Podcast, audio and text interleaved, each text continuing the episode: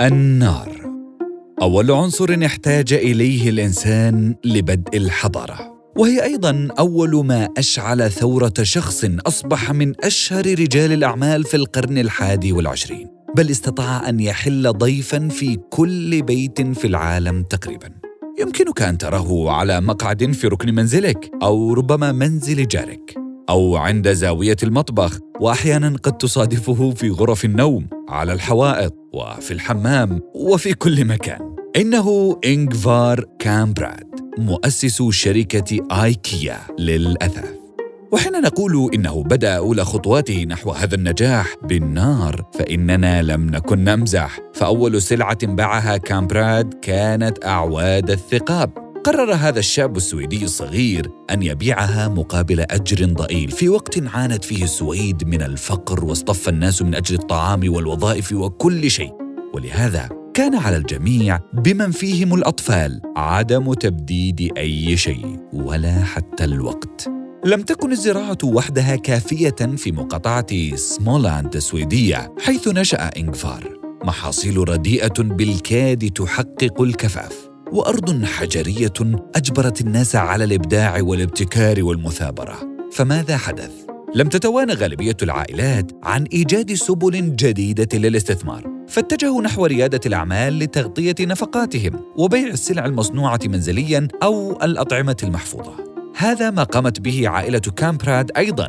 أسست والدته دار ضيافة وقتما امتلك والدها أكبر متجر الريفي في ألمهولت. وغالبا ما كان إنغفار يقضي أياما كاملة في المتجر يلعب حينا ويتولى المهام أحيانا.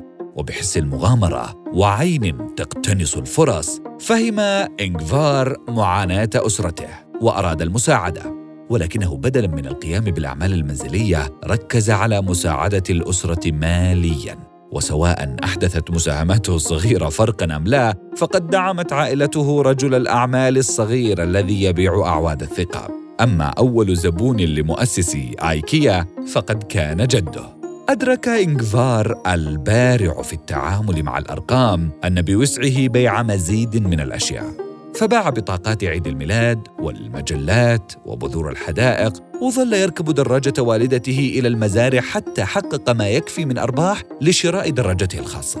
وعندما لم يكن صيد الأسماك موفقاً أقنع إنغفار والده بشراء شباك لزيادة الغلة.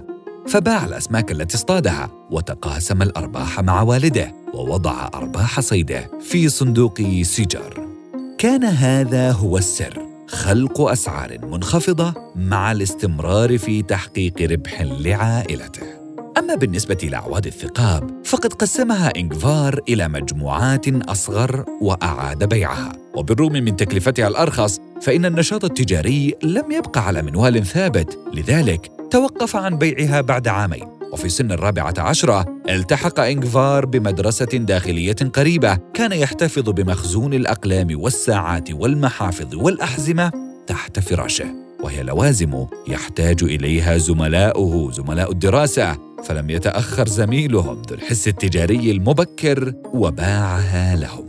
فيما بعد توسع إنغفار في بيع الأسماك وزينة شجرة عيد الميلاد والبذور وأقلام الحبر وأقلام الرصاص. في البداية استعان بمكالمات المبيعات الفردية بهدف التسويق للسلع ثم بدأ مرحلة الإعلان في الصحف المحلية وتشغيل كاتالوج مؤقت للطلبات عبر البريد وزع منتجاته عبر عربة الحليب المحلية والتي سلمت بدورها المنتجات إلى محطة القطار القريبة لتوزع السلع في أماكن أبعد. واصل إنغفار عمله في أثناء دراسته الجامعية وقد تبلور مستقبله في مخيلته عندما أدرك أن النجاح يعتمد على التوزيع البسيط والأكثر فاعلية من حيث التكلفة من المصنع إلى العميل. وهذا كان يعني الاستيراد المباشر والطلب عبر البريد. طبق هذا بشكل أساسي على الساعات والأقلام لكن إنغفار رأى أن الأقلام لا مستقبل لها مثل أعواد الثقاب. فادخر أموالها للاستثمار في شيء آخر. عام 1950 بدأ كامبراد خطاً جديداً سينقله إلى مكانته المستقبلية حيث أدخل الأثاث في كتالوج أعماله. إنها القطع التي أنتجها المصنعون المحليون في الغابات القريبة من منزله وبعد استحسان خدماته قرر التوقف عن جميع المنتجات الأخرى والتركيز فقط على الأثاث منخفض السعر. وهكذا ولد اسم إيكيا. باستخدام الأحرف الأولى من اسم إنغفار كامبراد إضافة إلى إلمتاريد وهي مزرعة العائلة وأجوناريد أبرشية المزرعة في سمولاند. بعد الحرب العالمية الثانية شيدت الحكومة السويدية كثيراً من المساكن وقدمت قروضاً لتأثيث المنازل وإضافة إلى ذلك كان لدى سمولاند عدد من مصانع الأثاث الصغيرة وعندما ظهر الأثاث لأول مرة في كتيب 1948 كتب إنغفار أن آيكيا ستقدم المزيد منه إذا أظهر العملاء اهتماماً معقولاً وهو ما حدث.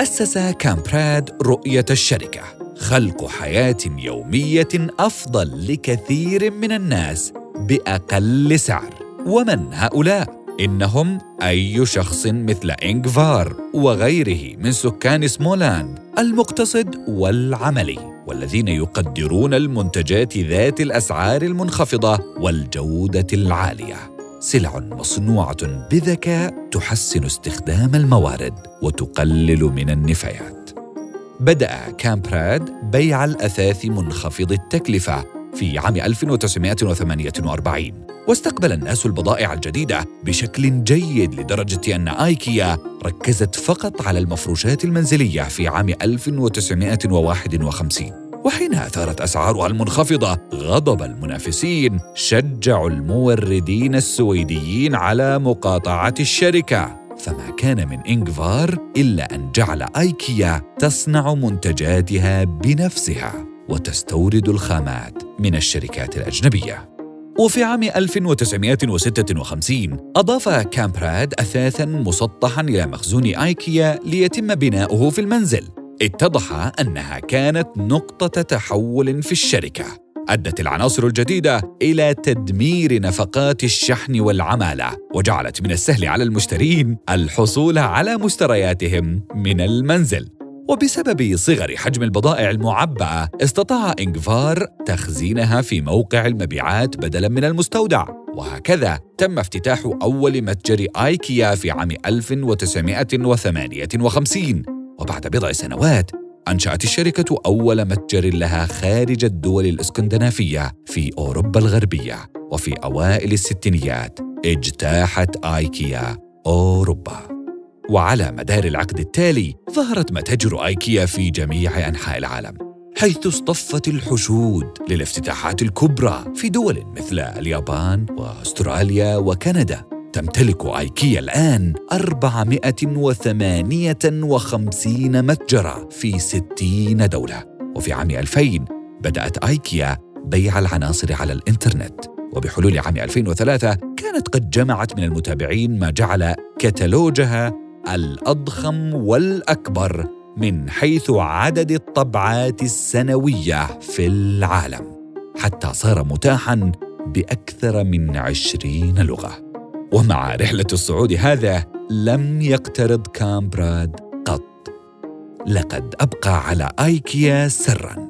استمر في السفر إلى جميع أنحاء العالم لزيارة متاجر آيكيا الجديدة حتى وفاته. في عام 2018 عن عمر يناهز الواحد والتسعين عاما وبالرغم من ثروته الهائلة فإنه اعتاد الطيران في الدرجة الاقتصادية وقاد السيارة سيارة الفولفو نفسها لأكثر من عشرين عاما.